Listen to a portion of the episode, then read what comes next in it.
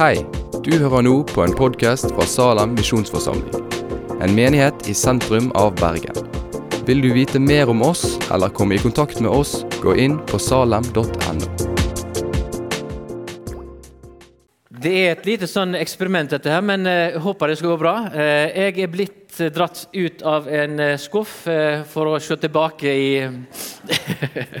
eh, Se tilbake. Eh, Det er litt rart når du skal ha en visjonssøndag og se framover og se tilbake, men jeg skal prøve, eller blitt utfordret på å si hvordan så vi framover eh, tilbake i tid, og hva så vi for oss skulle skje. Og Når jeg sier vi, så snakker jeg primært om styret og vi som den gang var ansatt i Salem.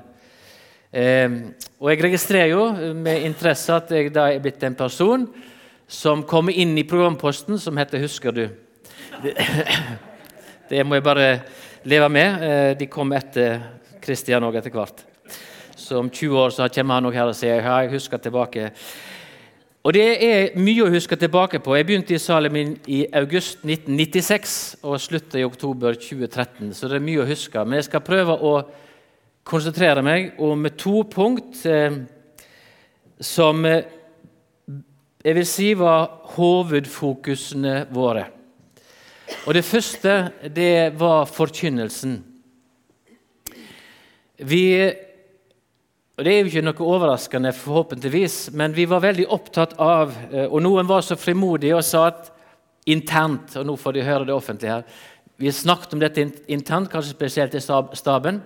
Vi skal ha den beste forkynnelsen i Bergen. Det var liksom en sånn uttalt visjon og staben. Og det er klart Med den, det fokuset så var jo vi veldig mottagelige for alle som kom i Salem og begynte å gå her fast, og som nettopp ga det vitnesbyrdet Her får vi en forkynnelse som gir oss mat. Det kan nok være de som ikke følte de fikk det, men det var iallfall de vi la merke til, som sa dette og bekrefta det, at her fikk vi mat. Og Det har vært litt interessant etter at jeg slutta i Salem og har reist litt rundt i Norge og på feltene våre ute, og får det vitnesbyrdet igjen og igjen at eh, det var forkynnelsen i Salem som bevarte meg gjennom min studietid. Senest nå for noen uker siden så var jeg på Vestborg, og der har vi tre representanter som gikk i Salem i mange år, som ga meg samme vitnesbyrde. Det var forkynnelsen i Salem som førte til at jeg ble bevart som student i tida. Og Det håper jeg fortsatt er visjonen, og det er jeg helt klar over at det, det fortsatt er. Det var det første. Og Det andre punktet jeg har lyst til å bruke litt lengre tid på, det er det som går på en nådegavebasert fellesskap. Det var vi veldig opptatt av. Um, og Hva mener vi med et nådegavebasert fellesskap? Jo, For oss så definerte vi det slik at det er nådegaven i forsamlingen som skal definere og, og bestemme aktivitetene våre, ikke motsatt. Vi har ikke aktiviteter, og så prøver vi å presse folk inn i vi, vi har nådegaver som Gud har gitt den enkelte i forsamlingen. Og Disse nådegavene ønsker vi å ta på alvor, slik at de kommer i funksjon. For det er det Guds ord underviser, at eh, nådegavene de skal i funksjon i fellesskapet. De er gitt til menigheten, sier Guds ord. Og vi underviste om det. Vi hadde nådegaveseminar. Vi oppfordrer og oppmuntrer folk til å bruke nådegave eh, som Gud hadde gitt dem, og vi var så fokusert på dette at eh, spesielt lørdagskveldene hendte det av og til vi kunne si som så Hvis du er i Salem, og Gud har gitt deg en nådegave som ikke du får brukt, så finn deg en annen menighet å gå i der du får bruke din nådegave. Det var et veldig sterkt fokuspunkt for oss. Og vi brukte, og det som har gått i salmen lenge vekk, vi, vi vet vi brukte en del bibelvers på det. Når Paulus sier f.eks. i 1. Korinterbrev 12 1. Når det gjelder Andens gaver, søsken, vil jeg ikke at det skal være uten kunnskap. Det var en uttalt ønske, visjon hos Paulus, og vi ønskte å ta den visjonen med oss inn. Når det gjelder de åndelige gaver, de gaver som Gud har gitt deg, så vil vi ikke at du skal være uten kunnskap. Og Når Paulus skriver til sin unge medarbeider Timoteus som tydeligvis var i ferd med å miste motet eh, i sin tjeneste, så sier Paulus.: Forsøm ikke den nådegåva som er i deg, den du fikk ved profetord da Eldsterådet la hendene på deg. Og Vi tenkte sånn at eh, Hvis Timoteus fikk dette brevet, når han fikk dette brevet fra Paulus, så trodde vi ikke at Timoteus gikk rundt og klødde seg i hodet og sa oi, har jeg en nådegave? Eh, hva nådegave er det jeg har? Jeg tror Timoteus visste veldig klart hvilken nådegave Paulus snakket om. Han visste hva Paulus mente. Ikke sløkk ut den nådegave som du har fått. Og 1. Peter 4, 10-11 brukte vi mye. Tjen hverandre, hver og en med den nådegåva han har fått, som gode forvaltere over Guds mangfoldige nåde. Et forvalteransvar som var lagt på oss og gitt til den enkelte, og vi som fellesskap og som forsamling skulle legge til rette for at nådegavene kom i funksjon. Den som taler, må tale som Guds ord, og den som tjener, må tjene med den styrke Gud gjev. Slik skal Gud i ett og alt få ære ved Jesus Kristus. Han tilhører herligdommen og makta i alle evig. Amen. Vi fikk en visjon som ble nedfelt i fire korte ord. Vinne, bevare, utruste og sende. Det var det som sto til å begynne med. Men eh, vi la til etter hvert, etter veldig kort tid la vi til 'til Guds ære', for det er det Guds ord sier. Når nådegavene kommer i funksjon, så er det til Guds ære.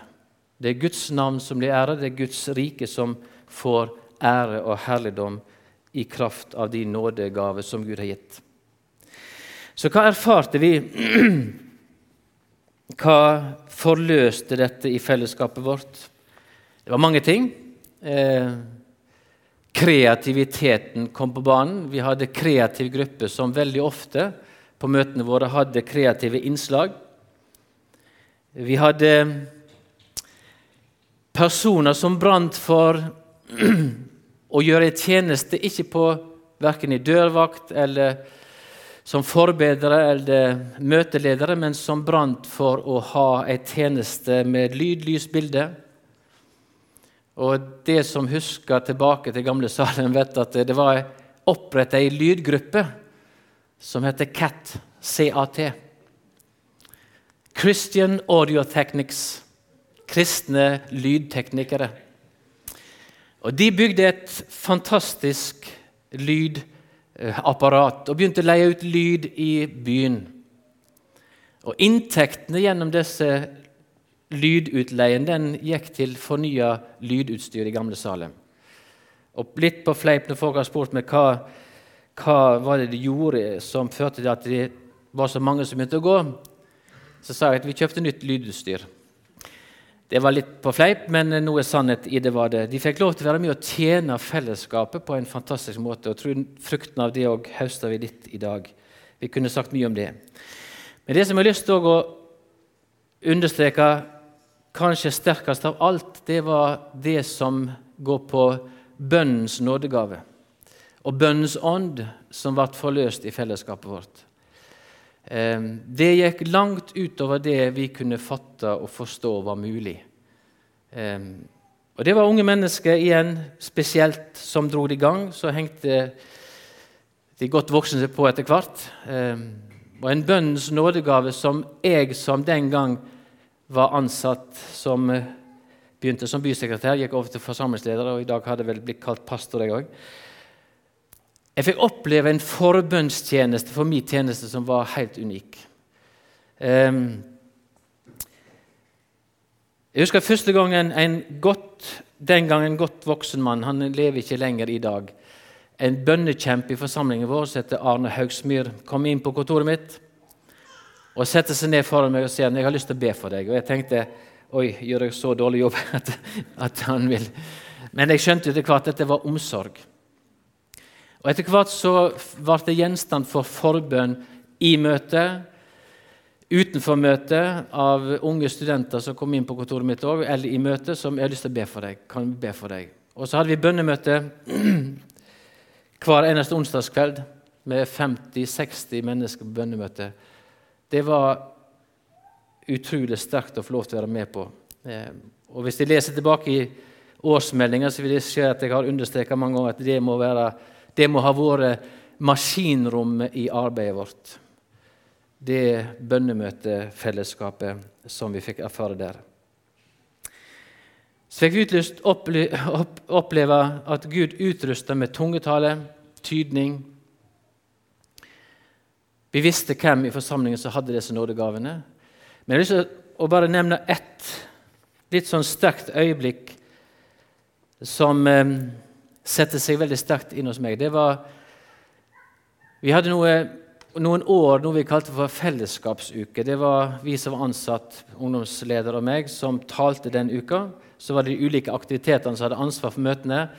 Den gangen så hadde vi jo to bibeltimer på torsdagskvelden. og sånne ting, så var, Vi hadde liksom en møte hver uke, men vi hadde noe vi kalte fellesskapsuke. Og På onsdagskvelden når vi hadde møte, så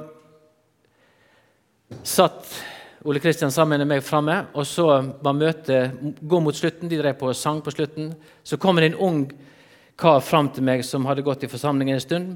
Sønn av en kjent bibelskolelærer på Fjelltun den gangen. Eh, kommer fram og sier det er noe som jeg føler skal fram. Jeg vet ikke hva det er, men jeg føler at jeg har fått et budskap. Kan du, kan du be for meg? Jeg sier ja, det skal jeg gjøre. Så jeg legger hendene på han, ber for han. Og Når sangen er ferdig, så går vi fram på scenen og sier til forsamlingen at nå eh, er det en som kjenner på at han har fått et budskap. Han vet ikke hva det er, um, men vi ber at dette må være et budskap fra Gud. Og så eh, kommer det tungetale. Han har aldri hatt det før. Han har aldri bedt om det, men han fikk en tungetalens nådegave i møtet. Og jeg visste I forsamlingen så sitter det folk som har tydningens nådegave. Så jeg venta når han var ferdig, at en av de skulle komme fram og tolke. Men det skjedde ikke. Men det reiser seg ei ung jente seg på besøk sammen med far sin. De er å besøke en, en, en datter, søster, av de som er student i Bergen. Og Hun reiser seg. Den gangen satt far hennes i hovedstyret, så det er solide folk. Så kommer kommer fram og så sier at jeg, jeg hørte på norsk hva dette budskapet gikk ut på. Så fikk hun formidle dette budskapet. Og jeg tenker, Det var bare et øyeblikk som setter seg fast, at Gud på den måten òg utrusta eh, enkeltmennesker til og med de som var på besøk i fellesskapet vårt, med nådegave, som kom forsamlingen til gode. Um, og Det fikk vi lov til å erfare, og det skapte jo på en måte en tro og en frimodighet i tjenesten, for vi så Gud gjorde noe som vi tenkte dette ønsker vi mer av. Dette ønsker vi å ehm, bygge videre på. Og jeg har snart brukt tiden min. Um, og ting vokste, og vi vokste ut av lokalene der borte, som var veldig små. Vi var fire år i Johanneskirken med studentarbeidet vårt. Og nøden og behovet for et større lokale meldte seg veldig sterkt. Eh, og jeg, kan, jeg husker fortsatt første gang vi var inne i dette lokalet her. Vi hadde det gamle trekorset, trekorset tatt med oss. Det var bekende mørkt her inne. Eh, vi setter det trekorset på scenen. Vi har tatt med oss en lyskaster som skapte litt lys her, og vi samles etter et lørdagsmøte Johanneskjeken. Gikk ned her, var i bønn og lovsang. Trygve Skau og Dag Inge Ulstein leda lovsangen. Eh, og vi fikk lov til å skrive på lapper visjoner for dette bygget. Visjoner, bønneemne for dette bygget her. Og Det var et, et, sånt defining moment, som det heter på engelsk, men et sånt skjellsettende øyeblikk. Og det, de har lagd en kollasj av disse bønneemnene som henger oppe på kontoret. så det kan gjerne ta fram igjen og se på hva bønneemnet, hva visjoner var det hadde for dette bygget. her. Jo, det var det som vi fikk erfare, fikk lov til å fortsette. At Guds rike kunne utvide seg, og Guds nådegave, Guds ord, forkynnelsen av Guds ord, Guds nådegave kunne komme i funksjon til Guds ære. Og så er det sånn at Når Guds rike vokser, så er det òg alltid en som sår ugress. Det kunne jeg òg sagt mye om. Um, men det er sånn når vi blir eldre og ser tilbake, så heldigvis får vi si, så husker vi stort sett de positive tingene. Og det gjør jeg med å se tilbake på den tida jeg fikk lov til å være med i fellesskapet på den måten. Nå får jeg lov til å være mer enn til, tilhører og få lov til å bli trakt fram av skuffen når vi trenger å se litt tilbake.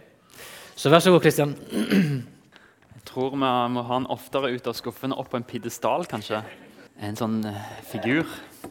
Eh, men vi bare fortsetter litt der. Takk for det du delte, Eivind. Det er jo utrolig spennende å høre. Og vi står i en veldig, veldig dyrebar arv. Og for meg i det siste òg så jeg, har fått, uh, jeg blir veldig godt tatt vare på av styret. Jeg fikk ei studieuke. Jeg fikk reise alene og bare sette meg inn i vår tro. Vår arv, den lutherske arven. Og det jeg oppdager at Vi trenger ikke gå over bekken etter vann. Vi trenger ikke importere noe relevant teologi for å få bruke i Norge. Vi, har, vi står på en grunnvoll som er så fantastisk. At mennesker blir frelst ved tro.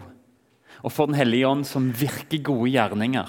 Det skal vi fortsette å forkynne. En ånd som virker nådegaver. Um, og Det gjør at vi, vi er en kirke som, som skal ha rom for alle. Om du er en trøtt og sliten kristen, så skal du ha rom for å komme og finne hvile i evangeliet. Om du er en energisk kristen som tenker nå er jeg klar til å tjene, nå har Gud utrusta meg med forkynnelse, i bibellesning og i bønn, jeg har lyst til å tjene, så skal det være en plass for deg òg. Vi ønsker å spenne det feltet der. Vi har lyst til å ha plass til alle. Og Sånn tror jeg Salem har vært, og vi håper at det skal fortsette å ha plass til alle. Du skal få komme hit når livet er ufattelig dårlig. Derfor er det alltid litt skummelt å snakke om visjonssender. Hva skal vi gjøre? Men vit alltid at vi har rom for den slitne. Det er rom til å bare komme og være her og bare få påfyll. Og så er det rom for å tjene når vi har kreftene til det. Det er altså et hjem der du kan hvile og tjene. Og Jeg har lyst til å dele noe som, som klinger litt i meg for tida. Fordi vi driver på å gå gjennom Filipperbrevet i Salem Ung. Og Der står det om Jesus. Han som var i Guds skikkelse, så det ikke som et rov å være Gud lik, men ga avkall på sitt eget, tok på seg en tjenerskikkelse og ble mennesker lik. Da han sto fram som menneske, fornedret han seg sjøl og ble lydig til døden, ja, døden på korset. Så sier Paulus til filipperne dette sinnelaget skal være i dere. Dette sinnelaget skal være i kirka. Og Så sier han rett før gjør ikke noe av sjølhevdelse og tom ærgjerrighet, men vær ydmyke og sett de andre høyere enn dere sjøl. Tenk ikke bare på deres eget beste, men òg på de andres. La samme sinnelag være i dere som òg var i Kristus Jesus. Og Så kommer Paulus med eksempler på Epafroditus, som, som kom fra Filippi til Roma for å tjene Paulus i fengselet. Forlatte venner for å tjene Paulus. Og Så har du eksempelet til Paulus sjøl, som egentlig sa at 'jeg vil dø, jeg vil opp til himmelen', fordi det er så mye bedre å være med Gud. Men jeg ser at dere trenger en hyrde. Derfor håper jeg at jeg blir levende, at jeg forblir levende etter dette fangenskapet. For han skriver for fengsel. Og Så skriver han om Timoteus, som er opptatt av ikke sitt eget, men av Jesu Kristi sak, av andre mennesker. Og så skriver han om Jesus, som ble lydig til døden på korset. Som var Gud, men ble menneske, og som ble lydig til døden på korset. Og dette sier Paulus, er eksempler for kirka i Filippi. Det er eksempler for oss å sette andre foran oss sjøl. Og være som Jesus. Og Vi driver på med en taleserie nå i salen for tida som heter Gudsbilder. Den ser på hvordan Gud åpenbarer seg i Bibelen. Og han har åpenbart seg som Jesus. Og så er det ikke alle mennesker som, som leser Bibelen og som, som, leser om Jesus i Bergen. Men det er veldig mange som leser oss på jobben din, på studiet ditt, i gata di. De leser deg. Og så skal vi få lov til å være i kirka som gjenspeiler Jesus, som setter andre foran oss sjøl. Paulus sier så lenge evangeliet går fram, så er ikke min situasjon så nøye. Om det koster meg noe, så gjør det ingenting, for livet er Kristus, og døden er en vinning. Jeg setter andre foran meg. Og Kanskje skal vi òg ta det som i hvordan vi er mot hverandre. Vi setter hverandre foran oss sjøl. At du kjenner at du blir tjent er viktigere enn at jeg blir tjent. Og så har vi den gjensidigheten som gjør at vi bygger hverandre opp. Som dere ser, så, er, så har vi vinne, bevare, utruste og sende. Og vi i stab og styre vi, vi, snakker om det, vi drømmer om å vinne mennesker for Jesus. Og vi har sett mennesker de siste årene komme til tro. Vi har sett mennesker som har kommet til tro, som kommer til Salem og velger Salem som sin heim. Og vi er så ufattelig takknemlige for at Gud gir oss ansvaret å følge opp disse dyrebare mennesker som vi setter pris på. Og så har det vært litt sånn stangfiske til nå, én og én som kommer. Men vi drømmer om flere. Vi drømmer om å være en menighet som trofast vanner, og som trofast sår hele tida. Veldig bevisst på hva vi gjør, hvordan vi gjør det. Og så vet vi at Gud er trofast, han som vil skape vekst. Og vi vil vanne oss så i forkynnelsen. Sånn som Eivind sa, jeg jo ønsker at vi skal være en av de menighetene som gir mat når folk kommer. Og Vi drømmer om å så i alfakurs som starter opp til våren. At nye mennesker kan komme og stille spørsmål om den kristne troa. Jeg har en drøm om å gjøre alfakurs her. At vi kan det så bra at vi ringer til Bjørgvin fengsel og sier Kom an, kan vi få lov til å komme til dere og starte alfakurs? Fordi vi har et budskap som forandrer mennesker. Først må vi bare lære oss å gjøre det skikkelig her. Det er min drøm å, bare, å reise ut til fengsel og ha alfakurs. Og vi skal så gjennom å sende misjonærer og vi skal så gjennom å bruke våre nådegaver. Og på sikt så håper jeg at vi sår ved å sende folk til andre bydeler for å starte fellesskap. Og så skal vi vanne dette trofast og utruste menigheten til å så, utruste menigheten til å vanne. Og så vil Gud gi vekst. Det er vi totalt avhengig av. Gud vil gi vekst. Og For å få til dette her, så tror jeg vi er nødt til å inkludere flere i fellesskapet. Hver eneste søndag så er det nye mennesker innom her i Salem. Flere av kirkene flytter ut fra sentrum, og det er faktisk ikke så veldig mange kirker som blir igjen i sentrum etter hvert. Men det betyr mer ansvar for oss som er midt i sentrum, at mennesker kommer. Og vi tror at vi har et kjempepotensial til å ta imot de som kommer. Jeg tror beste måten å ta imot nye folk på er smågrupper. Her kan det være at vi er nødt til å se at wow, dette kan koste noe for meg og mitt fellesskap og min familie å åpne opp smågruppene. Men vi gjør som Jesus, vi setter andre mennesker foran oss sjøl. Kanskje det koster det noe for oss å invitere nye. Men vi lanserer snart en ny ordning for smågrupper i Salem. Dere kommer til å få en invitasjon av David eller Gjermund der lederen blir invitert, der vi har lyst til å, å, vise hvordan kan vi være en mer åpen menighet. Hvordan kan smågruppene være de som inviterer inn, både fra jobb og fra skole, men òg nye som kommer i Salem. Hvordan har vi alltid plass til en ny i smågruppa? Det kan være det koster litt, men vi setter andre foran oss sjøl. Fordi vi vil være en menighet som er åpen, og som vinner. Og som vinner, bevarer, utruster og sender. Og det kan koste å åpne opp et smågruppefellesskap som vi er trygge på. Men vi har aldri sagt at det ikke koster å følge Jesus. En ting som jeg har lyst til å si til slutt. Jeg har mye på hjertet, så vi hopper litt over mye av det som jeg har, for å, for å få tid til prat etterpå. Men Paulus skriver til Timoteus.: Jeg formaner dere fremfor alt her er det Paulus skriver noe at én ting Timoteus, dere må ta vare på. Jeg formaner dere framfor alt til å bære fram bønn og påkallelse, forbønn og takk for alle mennesker. Framfor alt, sier Paulus. Be for konger og alle i ledende stillinger, så vi kan leve et stille og fredelig liv med gudsfrykt og verdighet i alt. Dette er godt dette er noe Gud, vår frelser, gleder seg over. Han som vil at alle mennesker skal bli frelst og lære sannheten å kjenne. Vi vil gjøre alt vi gjør, til Guds ære. Og Jeg har tenkt på det begrepet 'til Guds ære'. Og Egentlig så er det samme som at vi gjør det til Guds glede. Og Det er derfor vi samles til bønnemøter. Og Jeg liker måten Nils og Signe Valde, som leder bønnemåtene, sier det på. Når har vi bønnemøte?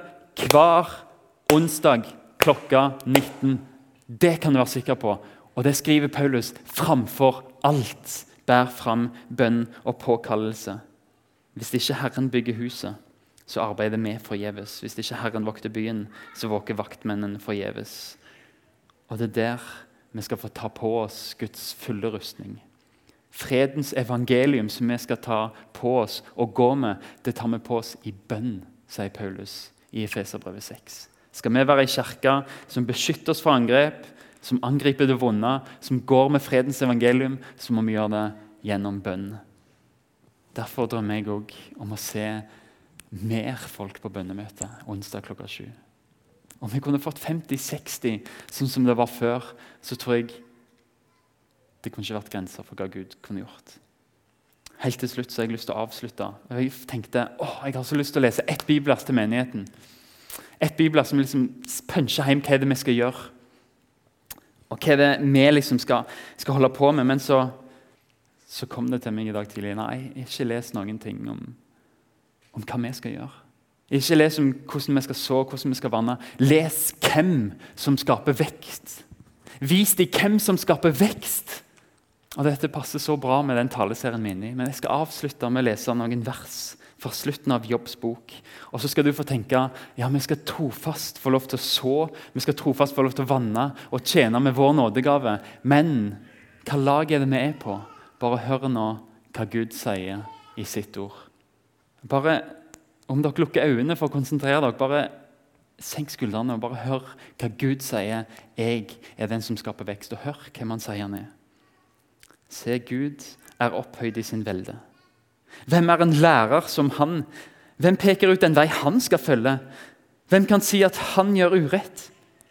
Glem ikke å prise hans verk. Det alle mennesker synger om. Alle mennesker ser det, de skimter det langt borte. Se, Gud er opphøyd, men vi forstår ikke hans år kan vi ikke telle. Han trekker vanndråpen opp til seg. Det blir regn til en gudskilde som strømmer fra skyene og faller på mange mennesker. Kan noen forstå hvordan skyene brer seg ut, hvordan det torner under hans bolig? Lytt til dette jobb, stans og erkjenn Guds under.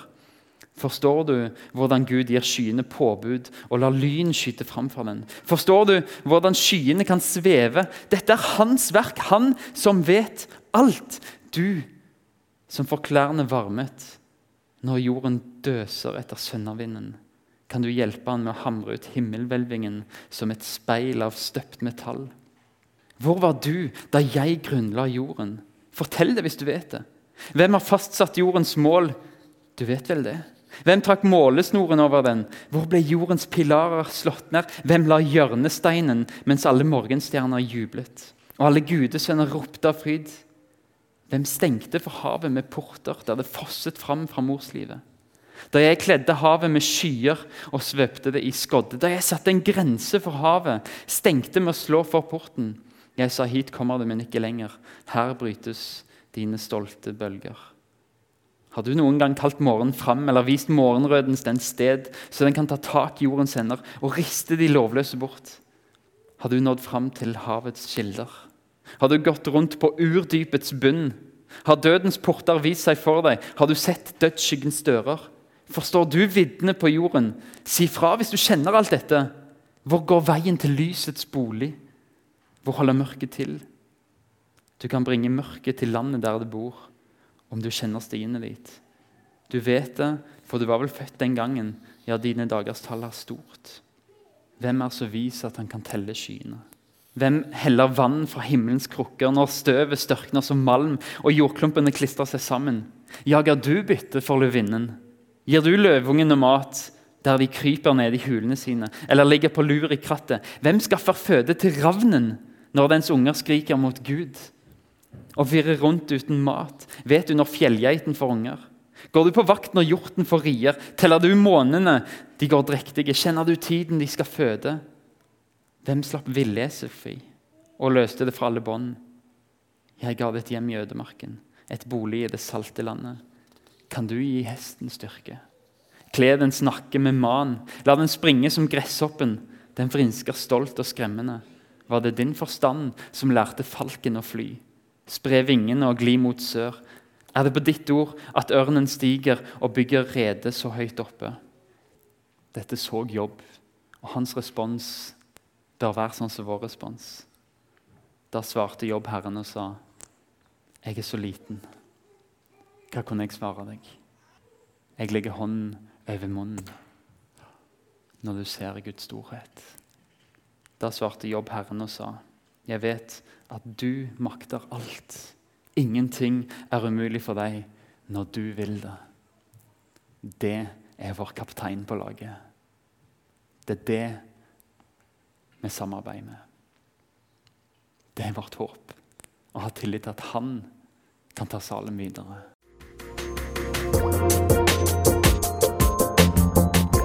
Takk for at du har hørt på podkasten fra Salem, Bergen. I Salem vil vi vokse i et stadig dypere fellesskap med Gud og med hverandre. Vi vil være Jesu hender og føtter, og vi vil være med og forkynne frelse for Bergen og resten av verden. Besøk oss gjerne på salem.no om du vil vite mer.